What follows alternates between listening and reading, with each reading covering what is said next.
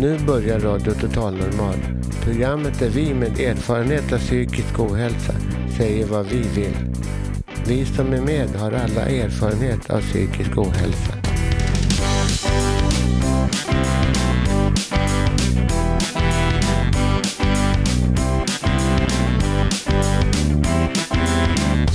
Du lyssnar på Radio Total Normal.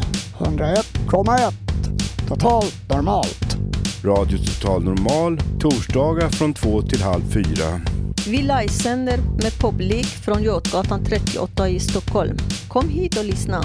Här är alla röster lika värda.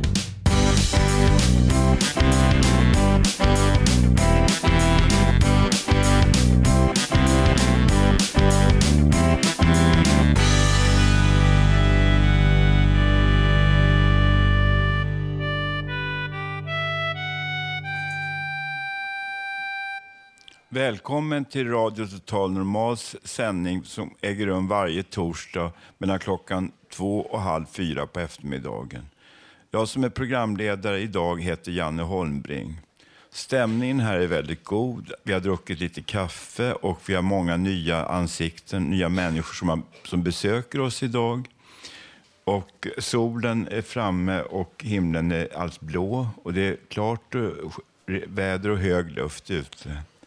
Och nu idag ska vi få höra Katrin Loford.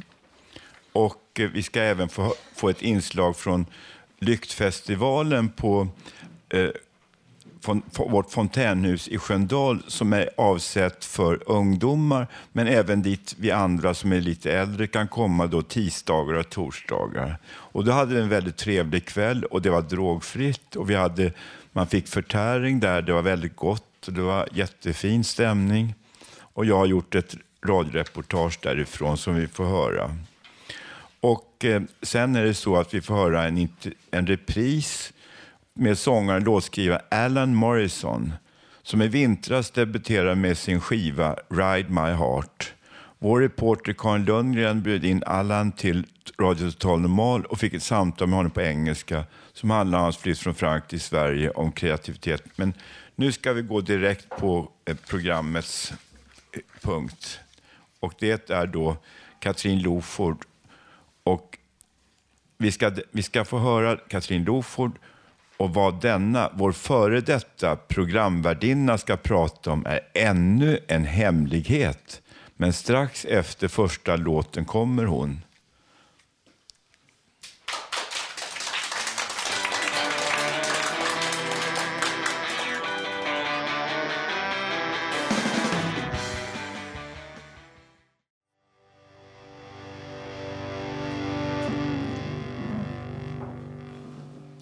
Ja, och tro det eller ej, vi har lyckats få hit Katrin Loford. Här kommer hon.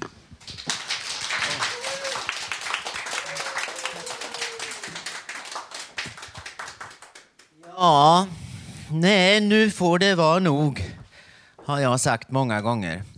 Allt för ofta har jag suttit här och talat inför döva öron, anser jag.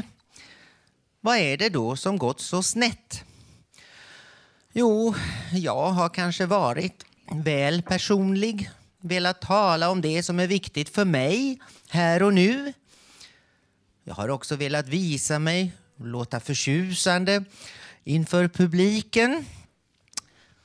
Då har du valt fel forum, var det någon som sa till mig. Jo. Ja, och att bjussa på sig själv, ha önskningar om förståelse i närradion eller i Fontänbladet också för den delen. Det lönar ju sig inte, tycker jag mig ha insett. Och därför dragit mig undan. Man vill ju vara i ett gäng och få gehör för det man säger. Ungdomarna här har något med Facebookgrupp, blogg och liknande. Men jag kan ju inte det där med internet och hamnar därför oftast utanför. Nej, byråkrati, nya rutiner och discipliner har tagit bort entusiasmen, åtminstone hos mig. Nu skulle jag kunna sitta här ibland och rabbla historier och läsa dikter. Om detta vore en kommersiell kanal, men ack nej. Jag ska inte låta så bitter. Ni får ursäkta mig. Det är ju så, för då kan man ju lätt bli betraktad som okollegial. Men eh, det är ju inte bara här man kan fråga sig vad som är rätt och fel. I pressen sista tiden har vi ju kunnat läsa om fler som tackar ja eller nej till att som här blotta sina problem. Trenden nu tycks vara att det blir allt vanligare att tala om sin eventuella psykiska ohälsa. ADHD är ju nästan inne att ha nu. Men eh, jag vet ändå inte om det är det jag vill bli känd för. Nej, jag skulle vilja vara en normal radiopraterska. Fast eh, det är väl för sent nu. Jag eh, ville att det här skulle leda någonstans. Det ska vara gött att leva, annars kan det kvätta. Var det någon galenskapare som sjöng, tror jag. Ja. Eh, tänk att för en månad sedan satt jag här och gjorde en slags Anna Odell. Jag talade om suicid, men eh, det var ju ingen som förstod eller reagerade. I veckan kunde vi läsa om en 21-åring som tydligen var så missförstådd och deprimerad att han begick sitt självmord på internet. Ja, ni har nog läst det. Det är väl tur att, att inte jag har internet hemma och kan det där, hur man gör. Men eh, också egentligen länge har jag förstått var det felar. Jo, man borde vara en celebritet. För då kan man få bra rehab och till och med betalt för det. I Amerika har det pågått länge och TV5 söker nu folk till den svenska versionen av Celebrity Rehab. Mm. 100 000 kronor per avsnitt handlar det om. Sångerskan Kikki Danielsson tackade nej och menade har de inte redan skrivit nog skit om mig? Varför straffa mig en gång till? Christer Sjögren, Susanna Bråding och Torsten Flink lär också ha tackat nej till denna. Och lyssna nu. Är det en möjlighet eller är det snarare förnedring och enbart en exploatering av människor i svaga lägen? Ja, artisten Camilla Henemark försöker åtminstone se det som en möjlighet, svarade hon. En positiv möjlighet till att gå vidare och därmed ta sig ur svårigheterna. Ja, fem avsnitt. Det innebär ju alltså en halv miljon. Mm. Och sen är det ju också det här med detta att om man redan är känd för något positivt, ja, såsom artist, sångare, snyggis eller kändis på något sätt, ja, då skulle även jag vågat outa mig i tv om så vore. Jag fick en förfrågan här i våras, men tackade nej av följande anledning. Ja, ni får ursäkta mig, men det här med psykisk ohälsa, det står mig upp i halsen. Vem vill egentligen bli känd för eller inom psykisk ohälsa? Nej, precis. Det kan bli kontraproduktivt. Um, ja, och den där allmänna iven som råder här, nämligen det att vi ska kämpa emot fördomar om psykiskt sjuka. Ja, visst är väl det vackra ord och tankar. Det tycker även jag. Men jag kom inte hit i första hand för att bryta några allmänna fördomar ute i stora världen. Nej, jag var här i första hand för att själv bryta... Eh, ja, jag var här för att helt enkelt själv försöka må psykiskt bättre. Men som ni hör har jag misslyckats. Tja, så såvida inte nu typ TV5 upptäcker att det finns små celebra inslag även här på Fountain House varifrån vi sänder. Och nu på söndag, egentligen redan ikväll i Kunskapskanalen på SVT börjar Inferno, en serie på åtta avsnitt som till stor del då spelats in här på Fountain House. Det är väl bara att önska deltagarna lycka till. Sen kan ni ju ta fram penna och papper nu och ringa eller skriva. Jag lovar att, nej, jag lovar inte att aldrig mer återkomma hit. Men eh, jag lovar ej heller någon närmare återkomst. Ja, ja det där lät lite konstigt, men telefonnumret är enkelt. 0730 50 41 93. Och jag som talat heter Katrin Loford. Jag hoppas det är någon som lyssnat. Tack, adjö och lycka till allihop.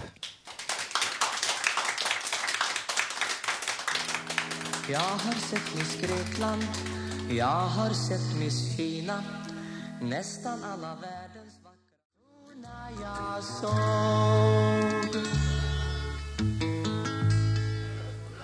Ja, du lyssnar på Radio Total Normal. Ett radioprogram som görs av oss med egen erfarenhet av psykisk ohälsa. Vi sänder från Fountain House på Götgatan 38, Södermalm i Stockholm. Fountain House är en världsomspännande rehabilitering för människor med psykisk ohälsa och som fokuserar på det friska hos individen. Det finns över 400 Fountain House klubbhus i världen och två av dem finns i Stockholm. Det ena fontänhuset ligger här på Götgatan och andra finns i Sköndal söder om Stockholm.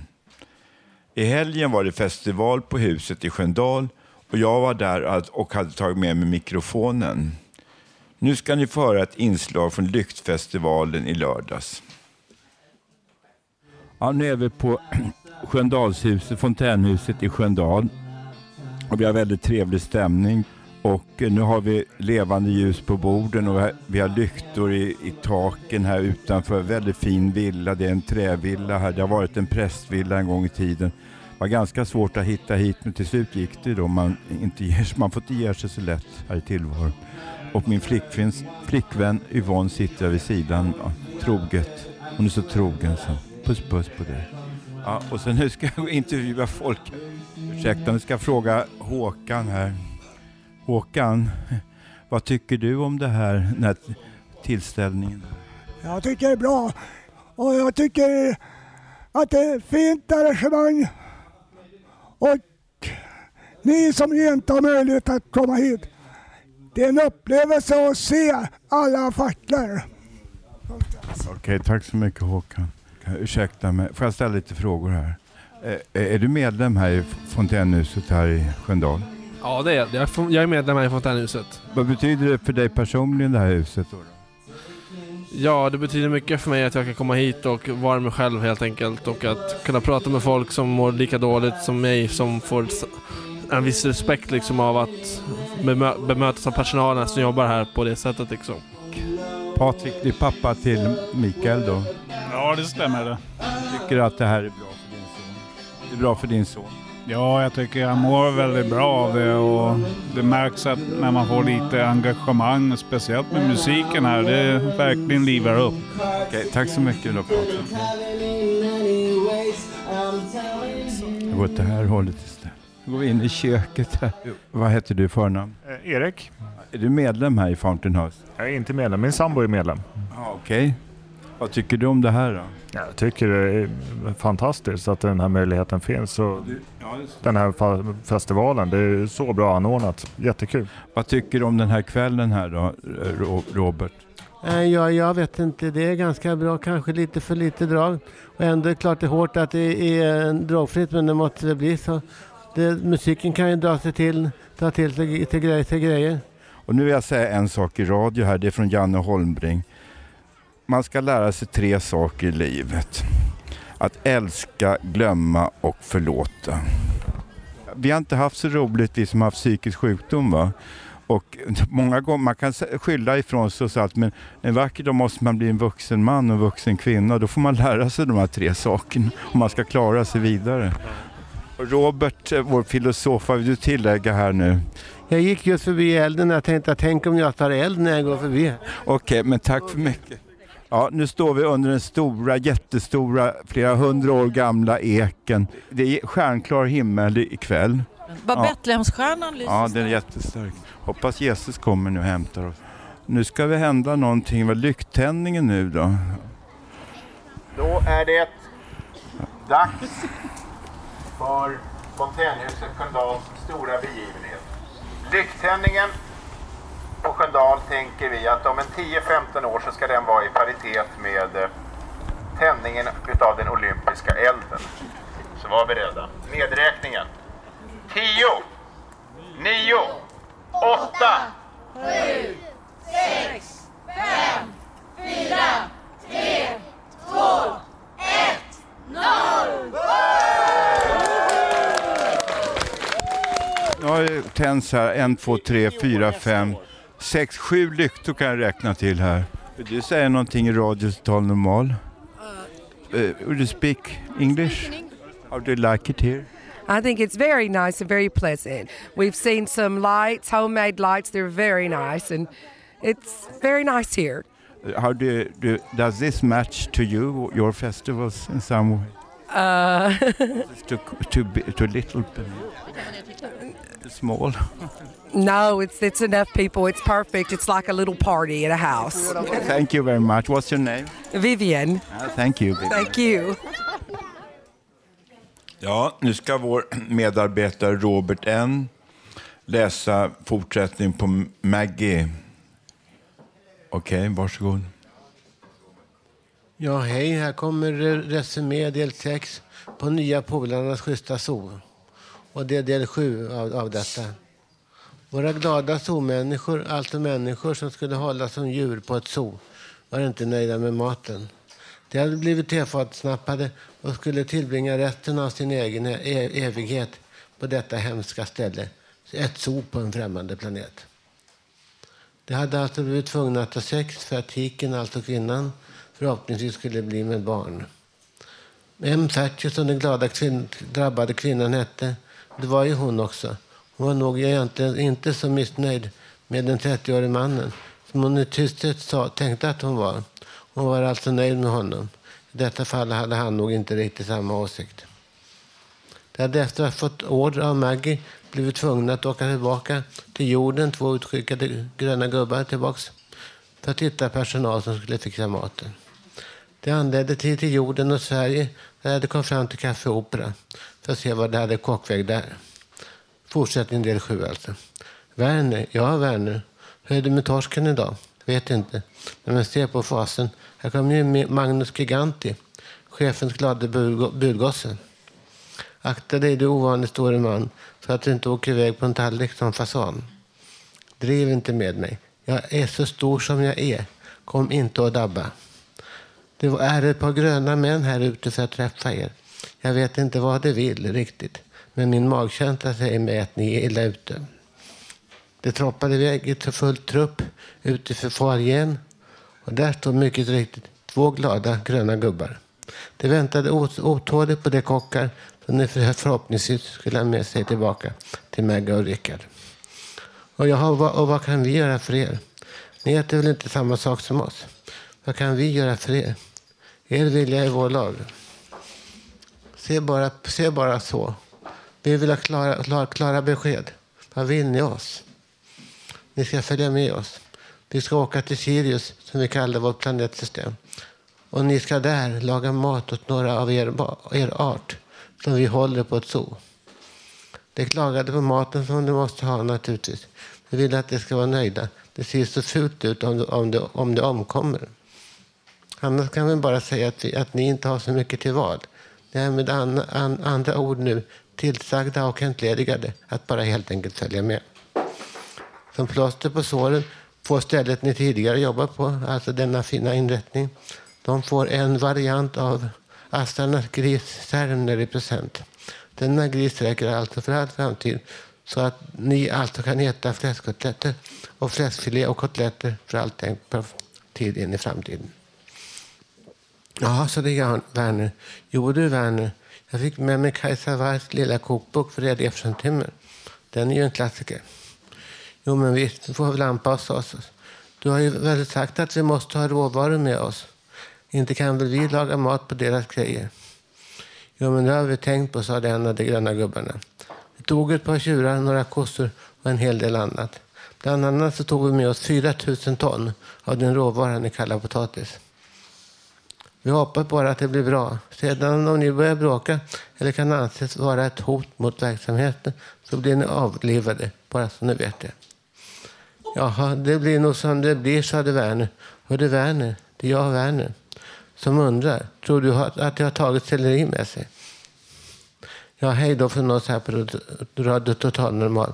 Nu får ni vänta en hel vecka på hur vi ser hur de ska klara sig ur sin lilla prekära situation.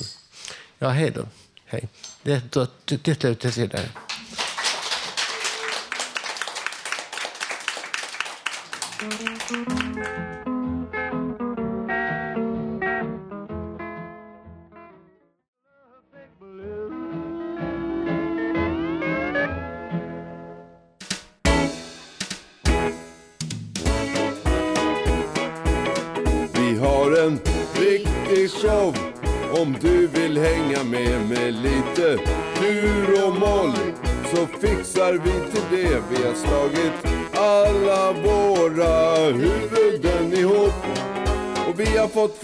Ett radioprogram, det här är vad vi gjort. Radio Total Normal. Det svänger. Ja, och nu ska eh, Agneta Källström, en av världens skickligaste kvinnliga kemister, läsa någonting som själv har skrivit som heter Pizzan i väskan. Varsågod Agneta. Tack så mycket Jan Holmbring. Nu ska jag berätta om en riktigt pinsam sak som jag har gjort. Och det är alltså när jag gjorde bort mig. Det här hände i september 1989, för alltså dryg, drygt 20 år sedan. Så att det borde nästan vara preskriberat nu. Det var så att jag var på väg till en föreläsning på Chalmers tekniska högskola i Göteborg. Och jag hade kommit med spårvagnen från Angered till Drottningtorget i god tid i förväg. Det var fint väder så jag bestämde mig för att ta en promenad längs Avenyn. Och nästan framme vid Götaplatsen så råkade jag gå förbi en godisaffär. Eftersom det här var, det råkade vara en sådan dag när jag var sugen på choklad så gick jag in i affären och dessutom så råkade det finnas pengar i plånboken så jag köpte en stor påse med choklad, chokladpraliner. Och när jag kom fram till Chalmers då gick jag in på Fokus, alltså studenternas lokal, och köpte en kopp automatkaffe. Och sedan gick jag upp för alla trapporna i Origohuset och satte mig nästan längst fram i fysik B-salen. Jag brukade alltid vara i föreläsningssalen i god tid i förväg, för jag brukade sitta och koppla av en stund. Det gjorde mig mer mottaglig för föreläsningen. Jag började dricka lite långsamt på mitt kaffe och sakta njuta av mina chokladpraliner. Snart kom föreläsaren Jan West halvflåsande. Han hade gått upp för alla trapporna. Jag har hört att han bara hade en lunga. Han var i alla fall en mycket Han var i alla fall en mycket populär och duktig föreläsare. Det blev snart fullt i salen och föreläsningen började. Den här dagen handlade det om en statistisk fördelning som kallas för Poissonfördelningen. Det är en statistisk fördelning som bland annat kan användas för att beskriva hur telefonsamtal som kommer in till en telefonväxel är fördelade över tiden. Ungefär 20 minuter in på föreläsningen så hade jag ätit upp all min choklad. Snart mådde jag så pass illa att jag bestämde mig för att lämna lokalen. Jag ville åka hem. Jag ålade mig ut, jag bad om ursäkt. Jag gick upp för alla trapporna, ut genom dörren, ner för alla trapporna, ner för backen, ut genom Chalmers huvudentré. Jag mådde mer och mer illa. Jag stannade på trottoaren ute på Aschebergsgatan. Sedan gick allting väldigt fort. En spårvagn kom åkande från Sahlgrenska sjukhuset. Från Chalmers kom en gammal kärring springande som skulle med spårvagnen. Och då spydde jag. Spyan hamnade mitt i tantens väska. Kan ni tänka er det? Tanten klev på spårvagnen, dörrarna gick igen och spårvagnen åkte. Där stod jag. Jag vet fortfarande inte vem den gamla damen var och jag undrar vad hon tänkte när hon öppnade sin väska. Eftersom det nu har gått drygt 20 år så hoppas jag att det här är preskriberat, men helt säker kan man inte vara. Snälla ni, berätta inte det här för polisen. Jag vet inte vad brottsrubriceringen skulle bli i så fall. Lagt en pizza i en väska eller något sånt. Har du själv gjort bort det någon gång? Hör av dig hit och berätta. Eller var det din väska jag spydde i? Hör av dig till mig så kan jag försöka gottgöra dig på något sätt. Du kanske kan få en påse chokladpraliner. Eller så kan jag bjuda dig på en pizza kanske. Hälsningar från Agneta Källström, numera bosatt i Vårby. Tack för mig.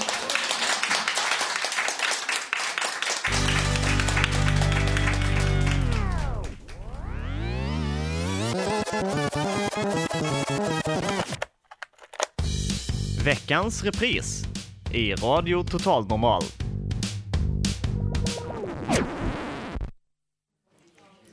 Ja, dagens repris är en intervju med sångaren och låtskrivaren Alan Morrison som i vintras debuterade med sin skiva Ride My Heart. Vår reporter Karin Lundgren bjöd in Alan till Radio Total Normal och fick ett samtal med honom på engelska som handlade om hans flytt från Frankrike till Sverige och om kreativitet och kreativitetskriser. Our guest for today uh, is an Englishman living in France. Now he's gonna move to Stockholm or to Sweden, partly. His name is Alan Morrison. Give him an applause.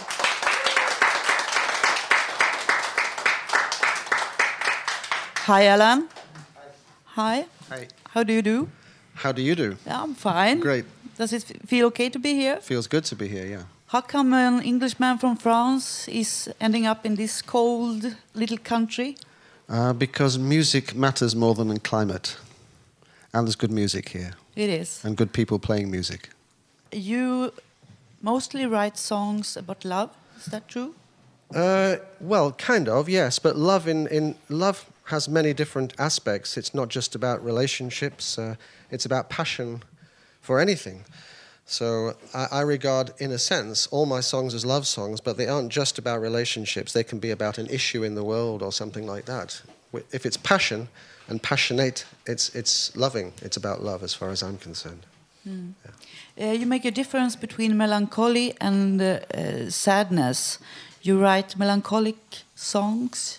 you describe yourself as that. Yeah, I, I prefer the word melancholy to sadness. I, I think uh, sadness can be a little bit self centered, whereas I think melancholy is something that can be used creatively, especially uh, in the artistic process, whether it's painting uh, or performing, any of the performance arts. I think you can use melancholy in, in a, an, a, a way that's good. Tell us a little about uh, the way you write songs. Does it hit you uh, everywhere you go, or in any situation, or Well, they're all different, you know. They're like children, really. They're like babies. They all have their own individual personality. So uh, some songs, uh, they come behind me and hit me on the head and say, write me or else. Uh, there are other songs I have to fight to write them. I have to struggle and struggle and struggle to be able to do it. Some just come like that, and others are uh, much more easy. It depends on the situation. Sometimes, if it's a very big issue, like uh, when the war in Iraq started, and the Americans were bombing uh, women and children, uh, innocent people in houses, uh, I was hit by uh, a song that I had to write, and it was written within about five minutes. And some songs are like that. What about your creativity? Do you have an, have had any creativity crisis? Well, if you mean by creativity crisis, do you mean like writer's block? You mean that kind of thing? Uh, I, actually, I don't believe in writer's block, really. I think there are times when we are flowing, and there are times when we are not flowing. And we have to accept that. And sometimes it's not the right moment to be doing something. So instead of putting it in negative terms, I've got writer's block, you just have to accept that you're not in the right space for creativity at that moment and wait until you are. Or there are things that one can do in life to improve our creativity. There are places we can go to, there are people we can be with, there are things we can do, spaces we can be in, which will encourage our creativity. But yes, there are, there are crises, but they're not necessarily crises that we can do nothing about. We can either accept the situation we're in or we can change it. So uh, whether you regard it as a crisis or not is another matter. Yeah, I does, know. does that answer your question or not? Yeah, I know that that uh, some artists uh, have to wait very long time for their creativity to return to them. Yeah. For example, uh, August Strindberg is a Swedish Mhm. writer. He was uh, incapable to write for seven years. Yeah. But then it was over, and he was very creative the Yeah. whole life. So Well, that, it's the creative uh, impulse inside us can be like that. But uh, I, I read about um, IBM, the big company, in the 1970s. They don't do this now. Nobody does this now. But in the 1970s, they used to hire people, salary people, who would sit in an office most of the time with their feet up on a desk and never do anything. And then once a year, they would have some amazing genius idea. And it was worth hiring them just for that one idea in the year. Okay, uh, uh, you are from France. You're living in France now, but you are gonna move. Uh, I'm going to make my creative base in Sweden, yeah. How come? Uh, it feels good to be here creatively. Uh, there's a lot of good creative people around, serious musicians that I enjoy working with. I've just made an album with some and just started going out on the road, uh, playing gigs, and uh, it, it, it's a good uh, creative situation here. I like it. There's a lot of, um, uh, you know what I mean when I say the muse, uh, the creative inspiration. I think there's a lot of that here. And I, I like the kind of mythology in the background and uh, the general strain of melancholy that runs right through the whole of Scandinavian culture. I, like it. So that's great. Uh, mm, you're gonna play another song from your album, "Ride My Heart," and it's called "How Do They Know."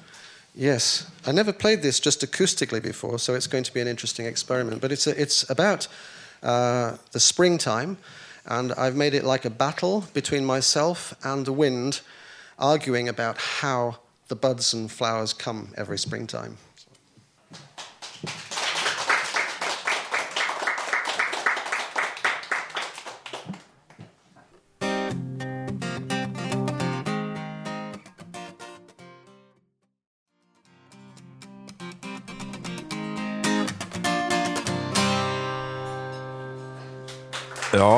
Är så här också som jag kom på en rolig grej. Alla människor har ett psyke, så vi har väl mer eller mindre alla då psykiska problem. Och då ska jag säga här då att nu ska vi ha en liten disk- publikdiskussion om kreativitet. Vad har ni för erfarenhet av kreativitet? Hur gör ni för att ta vara på er kreativitet? Och har ni erfarenhet av så kallad skrivkramp, eller musikkramp, eller sångkramp, eller eh, fotkramp, eller eh, eh, fotsvamp, höll jag på att säga. När kreativiteten hämmas, ja. Varsågoda, nu vill jag höra lite röster från publiken. Nu går jag ut här bland publiken. Någon frivillig här. Mr X är ihärdig, räcker upp eh, högra armen. Varsågod Mr X.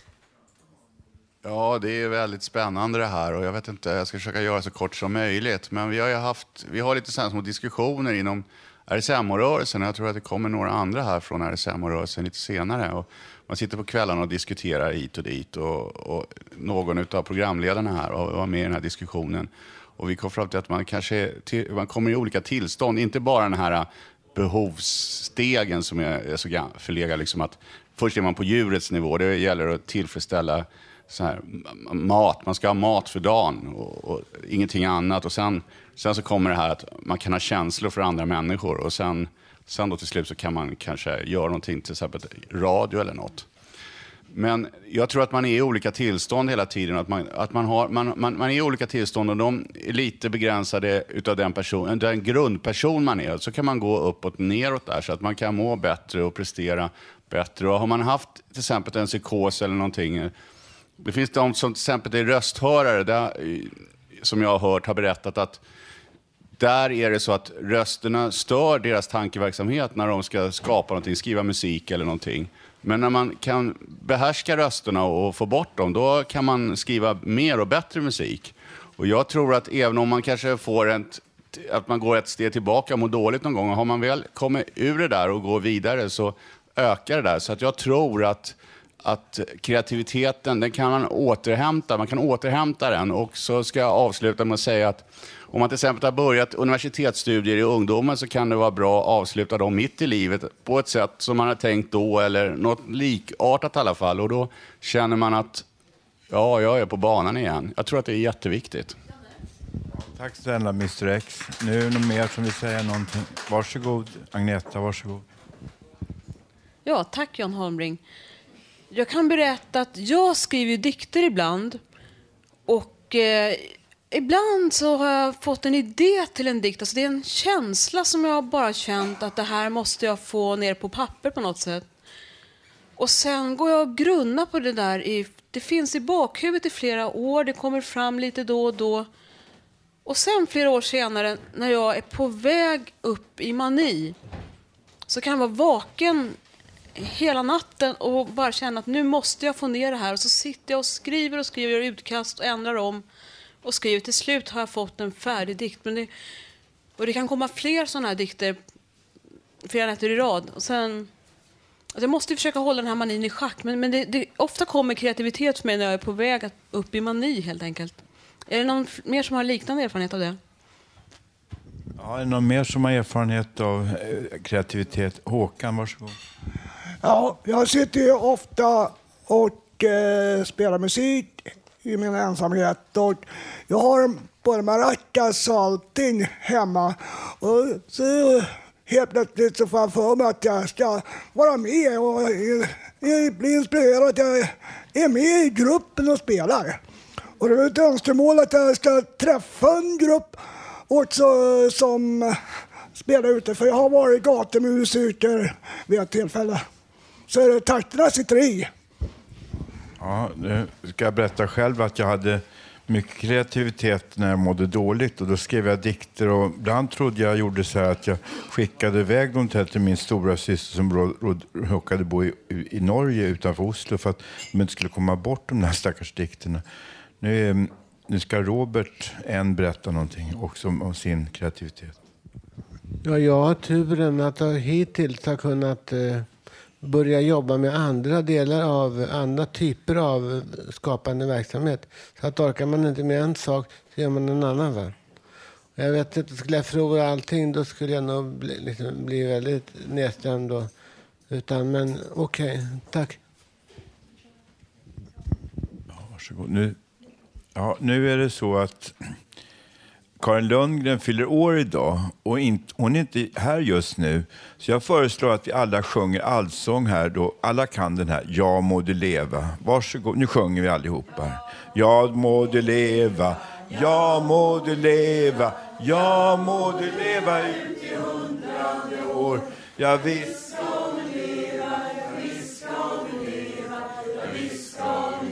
ut i hundrade år. Och när hon har levat och när hon har levat och när hon har levat ut i hundrade år Ja, då ska hon skiljas, ja, då ska hon skiljas, ja, då ska hon skiljas ut i skottkärra fram Hipp hipp hurra, hurra, hurra, hurra, hurra Karin Lundgren. Grattis!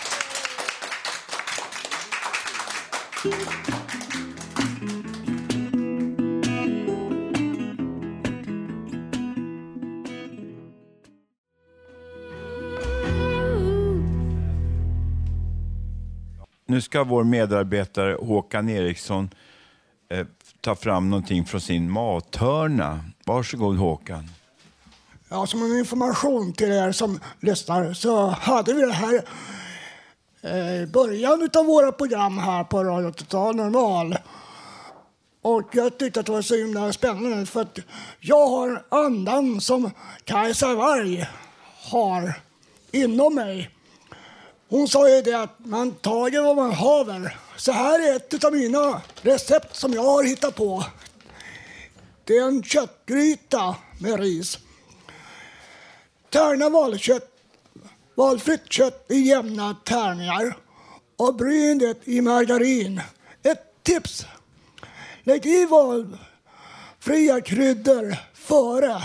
Då får köttet smak. Koka grönsaksmix i grönsaksbuljong. Koka riset med en liten burk majs och små ärtor. Häll sedan av vattnet med grönsakerna och blanda det med köttet och smaka av om ni vill ha extra krydda. Rör ut en eller två burkar kokosmjölk men före för sig om ni inte vill, vill blanda i det i, som en sås. Och servera riset med köttgrytan och toppa med persilja. Jag kommer att återkomma i ett senare program med samma grej. Tack för mig! Ja, ja det där låter... Ja. ja, det låter jättegott. Tack snälla Håkan. Och nu ska jag berätta en sak här om, om Jens som bor i Söderhamn. Och han har lyssnat på Radio Total Normal, men han har tyvärr ingen möjlighet att komma hit och delta på dagens sändning. Men vill ändå göra sin röst hörd. Här kommer därför en monolog om fördomar signerad Jens. Håll till godo.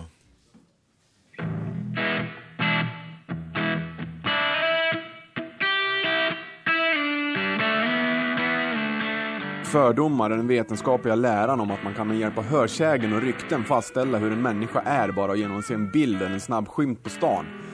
Ordet fördom kommer från engelskans prejudge. John Wagner baserade på 70-talet sin serie Judge Red på just ordet prejudge.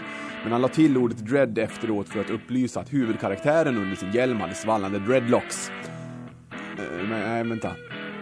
Det här är fullkomligt skitsnack. Det är bara att hitta på allting. Inte fan kommer Judge Reddy från Prejudge. Och något rädsla har han inte heller, inte vad jag vet i alla fall. Men visst ligger det lite lika och nära till hans. Skitsnack och fördomar. Det är ungefär samma sak. Största skillnaden är väl att om man, om man pratar högt om sina fördomar så evolveras det till skitsnack. Medan om man håller sig för sig själv så stannar det kvar som fördom. Vilket kan vara bra. Att man inte pratar högt om sånt man inte förstår menar jag. Men eh, varför är det så överhuvudtaget? Varför tror vi oss veta saker om andra som vi aldrig har träffat? Alla har vi fördomar. Få erkänner dem, men alla har dem. Jag har hur många fördomar som helst och det kan handla om allt från musik till mer politiskt inkorrekta ämnen. Men jag är inte sämre än andra, för ni har också era egna bilder på hur andra är. Även den mest öppna och liberala människan som bara tror gott och vackert om alla andra, som inte säger ha någon som helst förutfattad mening om folk. Hon tycker också med säkerhet lite i smyg att typ Sverigedemokrater är på ett visst sätt. Ja, den där Jimmy Åkesson går nog igång på gamla stillbilder av utmärglade judar i fångläger samtidigt som han lyssnar på gamla skrapiga radioinspelningar från 36 där Gunnar Dahlberg förklarar nyttan av att tvångssterilisera sinneslöa. Nu gör han också det med all säkerhet, men vi har inte bevisen på det ännu, så än så länge så är det bara en förutfattad mening, en fördom. En annan grej man lätt kan ha fördomar om är ifall de beter sig utanför ramarna. Vem ska vi ta, vem ska vi ta, vem ska vi ta, vem ska vi ta? Thomas Eleva. Praktexemplet av alla människor. Det finns ingen som Thomas Rymdblom Mandeleva. Han som i början på 90 satt i direkt, direktsänd TV och försökte förklara världen som ett ägg. Vad, jag menade, vad han menar vet jag inte, inte heller programledaren, men vad jag menar här är att det är säkert en ganska skön människa som har fått utstå spott och spe just för att han klär sig och pratar på ett visst sätt. Fördomar har vi alla och kommer alltid att ha. Det kanske är någon gammal surgen som ligger kvar sedan grottstadiet. Men det viktiga är nog att aldrig låta förutfattade meningar ta över det sunda förnuftet. Ställ dig mitt emot den du har fördomar emot. Lär känna personen lite. Snacka lite skit, intressen, bensinpriser eller vad fan som helst. Men kolla sen hur mycket som stämde in innan ni mött varandra. Det är inte mycket antar jag. Det här stämmer in på väldigt många människor just för att det verkar vara programmerade och vara skeptisk mot allt vi inte känner till. Det är synd för vi går miste om väldigt mycket. Det är inte alla som tar den där extra tiden att lära känna någon man är skeptisk mot. Så nu uppmanar jag alla där ute att rycka tag i närmaste original ni hittar. Bjud på en kaffe eller vad fan som helst, men sitt inte där på andra sidan gatan och tycka att du är en högre stående varelse. För fördomar, hör du, det finns även emot dig. Ja, hej hörni, Katrin här. Det slog mig bara att jag måste ge Janne beröm. Han är så underbart spontan och härlig. Och eh, för ett par veckor sedan hade jag en väninna med mig här. Och hon hade sin man med sig som ju aldrig hade satt sin fot på något hus och liknande det här. Och jag var ju helt främmande situation. Och då kommer Janne fram och säger Hej, välkommen! Jag heter Janne och jag är psykiskt sjuk och det har jag papper på. Ja. Så det kan bli härligt. Ja, och nu ska en dam i rött och vitt och svart Eh, och, och, eh, spela någon väldigt vacker musik. Varsågod.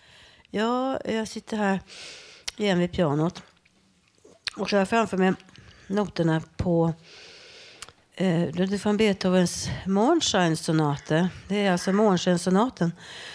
Och opus 27 nummer 2 heter den utgåva och så heter det Adagio. Eh, Viss hastighet. Sempre pianissimo senza Blir Det mycket pianissimo och utan sordin. Och den gick ju i cis-moll, sa vi. Ja. Jag, ska, jag har spelat rätt mycket. Den här kanske är tjatig.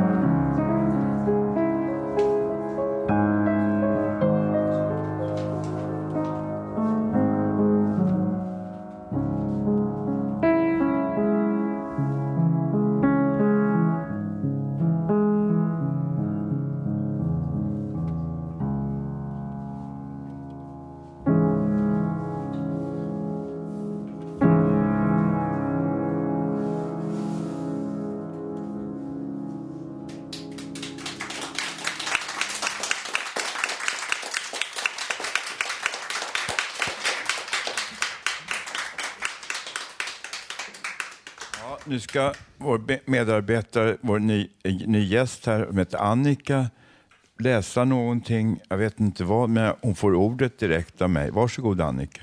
Tack så mycket. Ja, eh, jag fick faktiskt sju minuters taltid och det är inte så dåligt så jag ska se om jag kan baka ihop någonting av det. Eh, jag heter Annika Malmqvist. Jag har en mycket, mycket lång erfarenhet av psykisk ohälsa. Och jag har också en ganska lång erfarenhet av psykisk hälsa. Så har jag 10 eller 20 års erfarenhet av ideellt arbete inom RSMH, Riksförbundet för social och mental hälsa, där jag har jobbat på, på olika sätt, på olika nivåer som förtroendevald. För närvarande är jag ordförande i lokalföreningen RSMH Söder om Söder som ligger i Gubbängen. SOS vet ni, det betyder ju från början Save Our Souls. Jag vet inte om det var det man tänkte på när man startade föreningen för 11-12 år sedan. Men eh, det har varit mycket prat om kreativitet här idag. Och eh, det här är en förening som verkligen är väldigt kreativ. Vi har en stor studiecirkelverksamhet i eh, mestadels konstnärliga ämnen med professionella lärare. Så vi har kemik, ke, vad säger, jag, keramik, måleri, eh, textil och eh, yoga, data, engelska, allt möjligt. Vi har också kamratcirklar som någon medlem själva leder. Och vi har ytterligare några nya saker på gång. Eh, det är bland annat då att vi ska starta självhjälpsgrupper. Det ska bli väldigt spännande. Själv har jag, har jag erfarenhet av det också tidigare och har gått en utbildning så att vi är några som ska hålla i det. Eh, Sen kommer vi också att ha någonting som vi kallar för öppen scen en gång i månaden, en fredagkväll, när föreningens egna förmågor underhåller. Eh, Första sådana öppen, premiär öppen scen blir om en vecka, eller nästa fredag. Eh, den, den här föreningen då fungerar väldigt bra, har många medlemmar och är kreativ som sagt. Och jag är fullständigt övertygad om att just detta med kreativitet är så otroligt viktigt för, som, som läkande, tillfrisknande, läkande. Och sen är det någon som har pratat också om, eh, det nämndes någonting om rehabilitering här idag. Eh, och om den här kändisrehabiliteringen som naturligtvis då är en, en ehm, mediagrunka. Men eh, jag menar att rehabilitering, det är någonting man gör tillsammans med andra. Vilken form den än tar sig. Det är väldigt viktigt. Jag tror att eh, nästan ja, alla människor har en skapande kraft inom sig. Men vi kan hjälpas åt att förlösa varandra. Eh, och det tror jag är viktigt. Det kan jag se nu i vår dagliga verksamhet. Och jag kan se det också i min eh, egen utveckling. Som eh, började ganska långt nere på samhällets botten faktiskt. Och där jag har långsamt kravlat mig upp, vilket tog ganska många år. Eh, Jag hade en text med mig som jag tänkte läsa. Jag tror att jag kan få in den lite kvickt. Därför att det, det handlar lite grann om också om våra fördomar.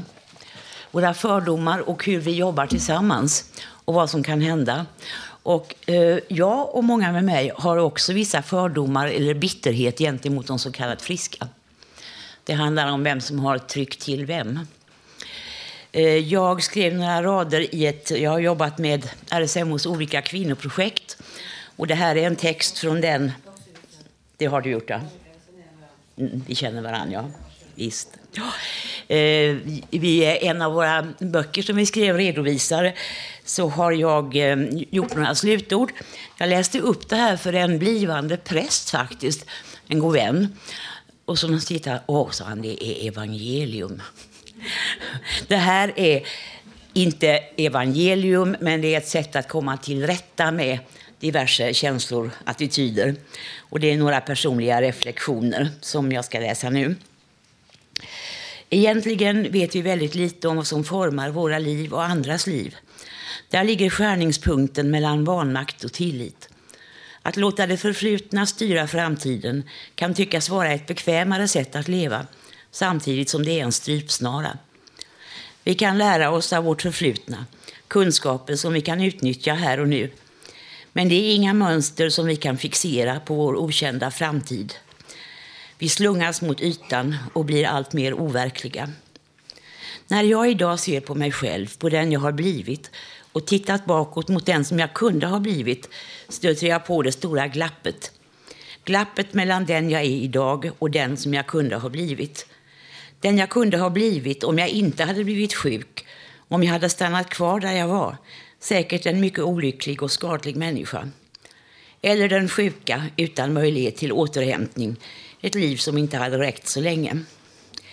Men idag finns jag och fungerar med en större styrka än jag visste att jag hade och samtidigt med en stor ödmjukhet och tacksamhet.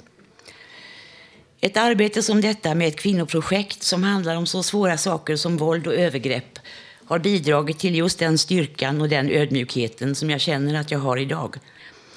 Jag visste att det skulle bli svårt, kanske omöjligt, men jag kunde inte komma runt det. Jag kände att jag ville och måste arbeta med dessa frågor eftersom jag har sett dessa kvinnors verklighet, eftersom jag själv är en av dessa kvinnor som från tidig barndom skändats, utnyttjats, förtingligats, tystats. I samspelet med de kvinnogrupper som samlas omkring detta tunga ämne har jag mött inte bara sorg, skräck och vrede utan också glädje, omtanke, värme, humor, envishet och ett jävlar anamma som har ekat in i mitt inre därför att jag är sådan själv. Och i denna levandighet har vi mött varandra och faktiskt kunnat se att det värsta, det har ju redan hänt. Så får vi en plats i världen, ett något, och det är vi någon. Någon som har överlevt, någon som behövs. Jag lever nu på min plats. Mycket av mina kursdeltagare och vad de har lärt mig, vad de har sagt och har låtit mig säga. Jag kan titta tillbaka på glappet i mitt liv och blir inte särskilt förskräckt av det. Jag kan se framåt och bara undra. Och det finns alltid de som vet bättre. Jag låter dem vara nu. There is a crack in everything. That's how the light gets in. Lyder en rad av Leonard Cohen. Vi ser antagligen ganska lite av de krafter som formar oss, som gör oss till vad vi är. Men kan vi se ljuset i sprickan vet vi hur vi ska gå. Inte hur det ska gå. Det är det nog inte meningen att vi ska veta. Men vi vet att det är mening i vad vi gör.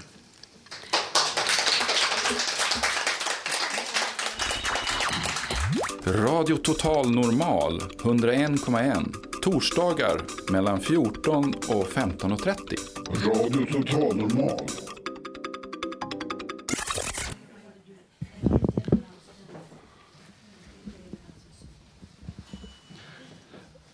Ja, jag, det är jag som kallar mig för Mr X för att jag tar upp lite kontroversiella ämnen som kanske kan vara upprörande för en del. Och nu idag ska jag ta upp det här om läkarens roll.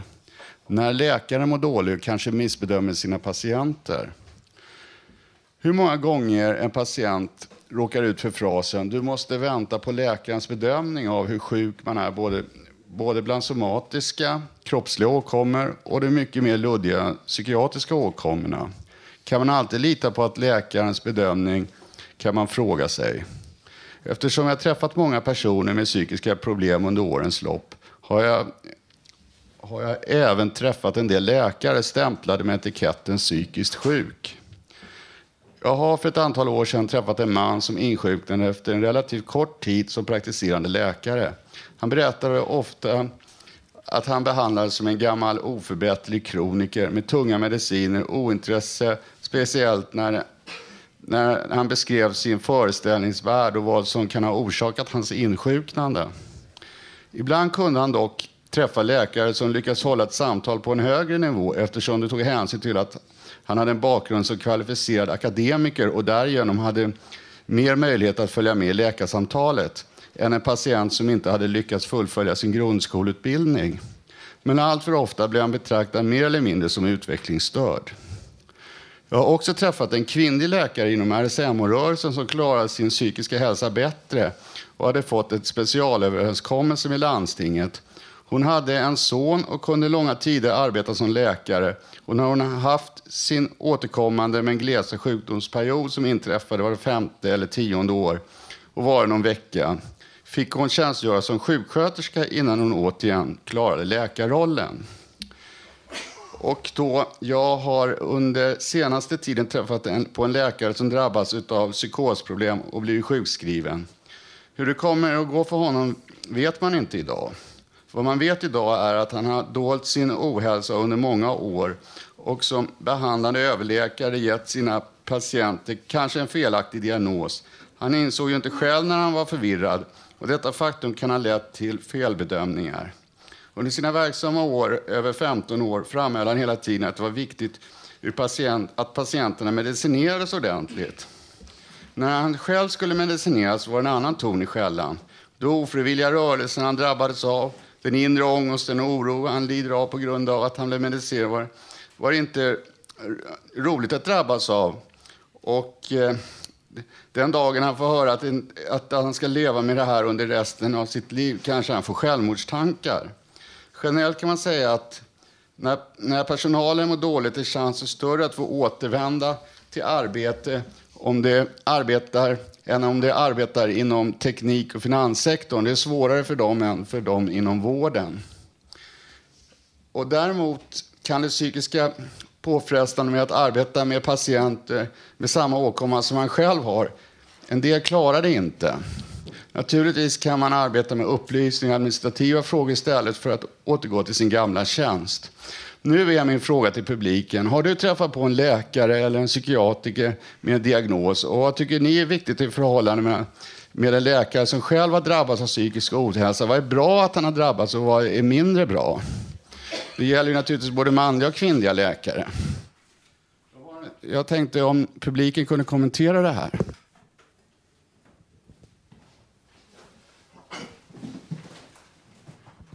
Ja, jag var på akuten vid ett tillfälle, och det är länge sedan nu. Eh, jag hade då gjort illa mig och stukat foten och kunde knappt stödja på foten. Och så då stötte jag på en sån där läkare så pappa frågade så här, ja, ska du inte undersöka, undersöka vad det är för röntga? Nej, det behövs, han behöver bara lite vil, vila. Så vi gick ju vidare.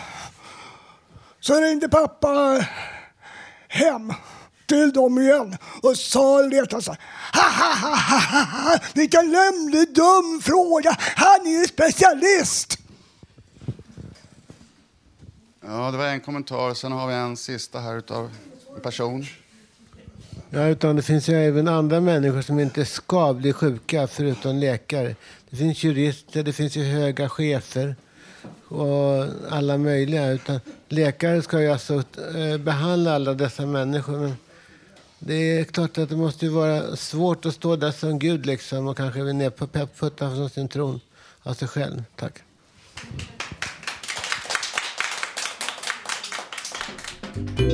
Poesi i Radio Total Normal.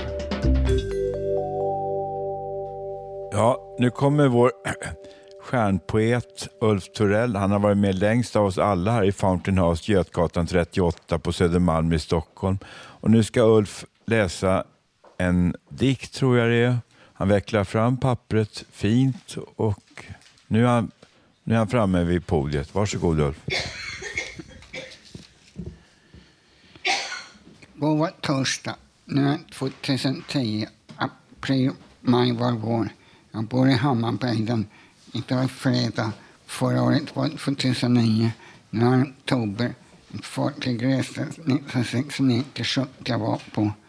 Båten kom till sjön Atlanten, ett rastfartyg.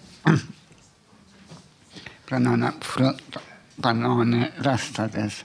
Cigarett, limpor, kaffepulver, läsk bröd, smör, ost, fisk dessutom. Jag var på en Sydamerika söder Panamakanalen i Hamburg, Tyskland, Amsterdam, Belgien. Kanske morgon blir lördag. Förra månaden var september. Jag är 57, midsommar var juni. nästa år, 2011, uppträder fredag 8 oktober. Ja, nu ska Jonny läsa någonting som hon har skrivit. Varsågod. Tack. Ehm, det är faktiskt ett brev som jag tillägnade min första kärlek eh, för fyra år sedan när han satt på rättspsyk i Huddinge mm, och var kraftigt medicinerad för övrigt. Ehm, så här skrev jag till honom då. Hej min söta älskling Sam.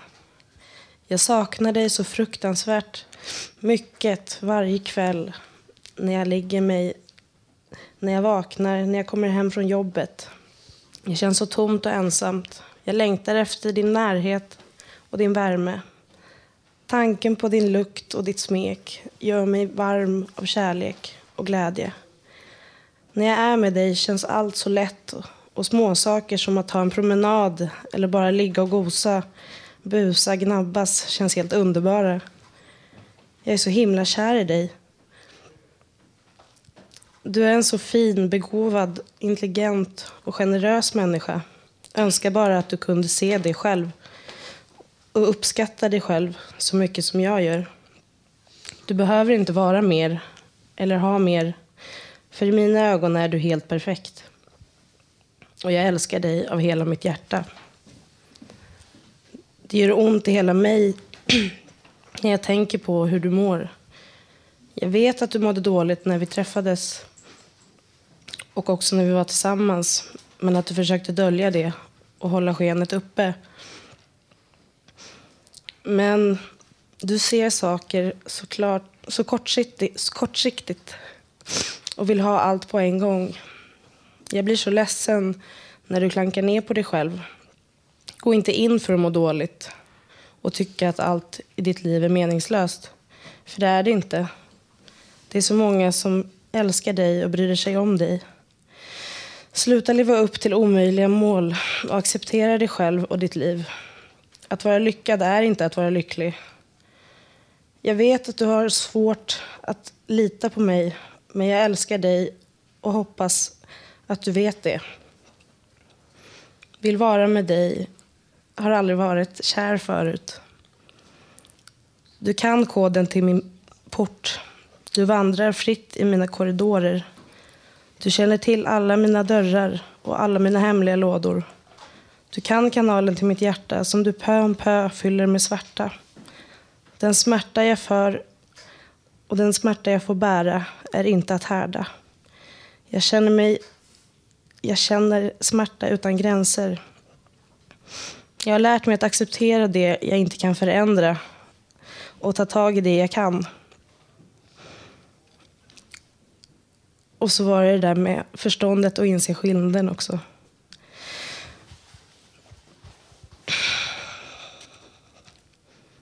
Men man ska ta ansvar för sina konsekvenser. Men när mina konsekvenser är omständigheter i ett händelseförlopp är det då jag ska känna mig orättvist behandlad och protestera eller ska jag svälja och känna mig bedragen och våldtagen av livet? Jag är inte oskyldig, men jag är, jag är inte oskuld, men jag är oskyldig. Okej, raped by life.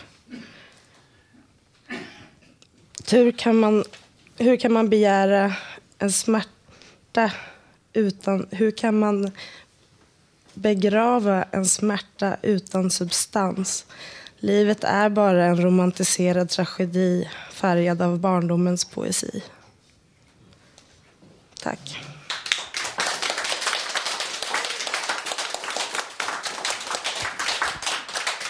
Ja, ja, vi börjar närma oss slutet av vårt program. Och jag ska bara meddela nu att ikväll börjar UR, Utbildningsradions tv-serie Inferno på svensk television. Där är jag med som Janne på stan och Radio Total Normal är med som en följetong i varje program. Det handlar om åtta avsnitt, en halvtimme långa program Missa inte detta. Klockan 21.00 ikväll på Kunskapskanalen och repris klockan 22.00 på söndagar i Svensk Television 1. Och ni har lyssnat på Radio Total Normal som sänder på torsdagar mellan 14 och 15.30 på frekvensen 101,1 MHz. Och vi har vår webbadress www.radiototalnormal.se.